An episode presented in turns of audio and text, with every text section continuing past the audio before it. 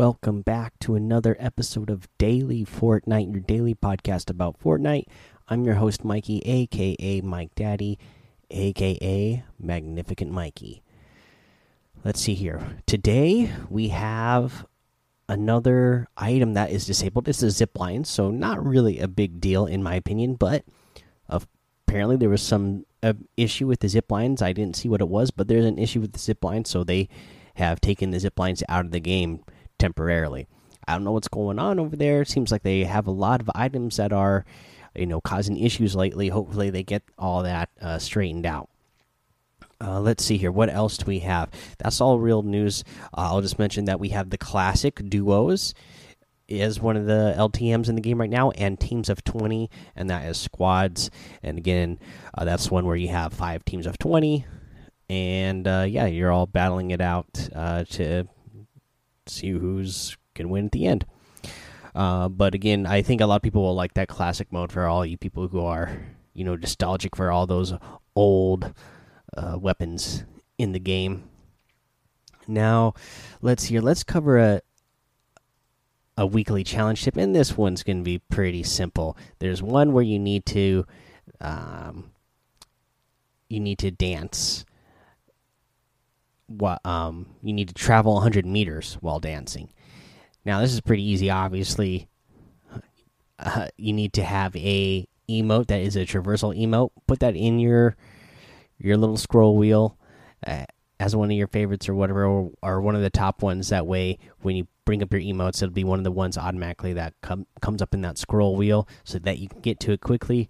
Um, of course, you can do this in match, but uh, what I, I, what I suggest start getting this done as soon as possible, and you can do that in the little waiting lobby before the match starts. It will count towards the hundred meters, so just set your emote and go as far as you can until the match starts. You know, depending on what platform you're playing on, uh, you might get you might get 20 meters or you might get a full 100 i noticed that on the on the switch sometimes when i play on my son's switch sometimes you're in that waiting lobby for a, a, long time and you might you know you just might go ahead and get that done in one little go.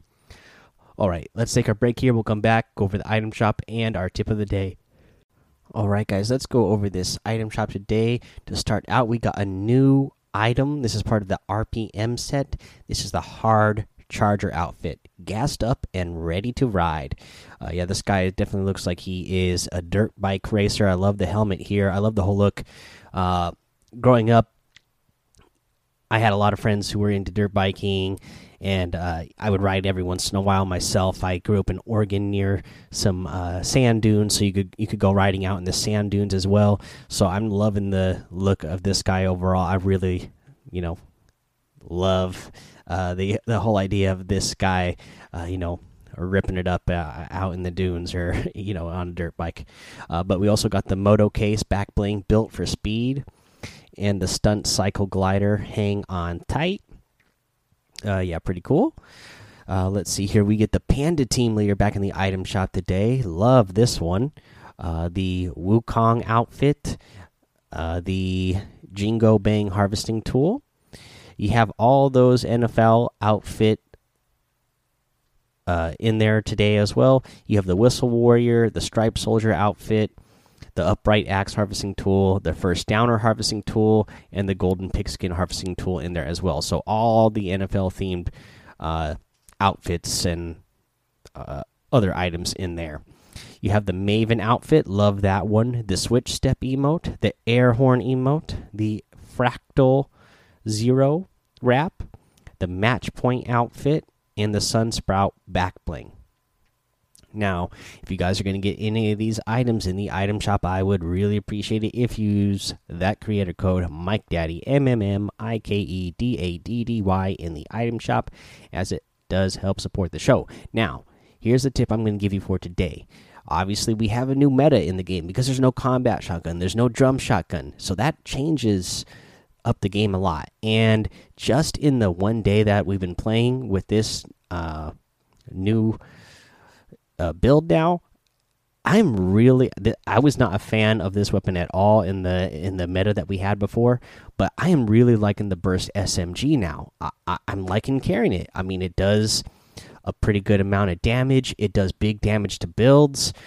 Uh, you know, and now you don't have to worry about somebody else spraying a combat sh a shotgun back at you.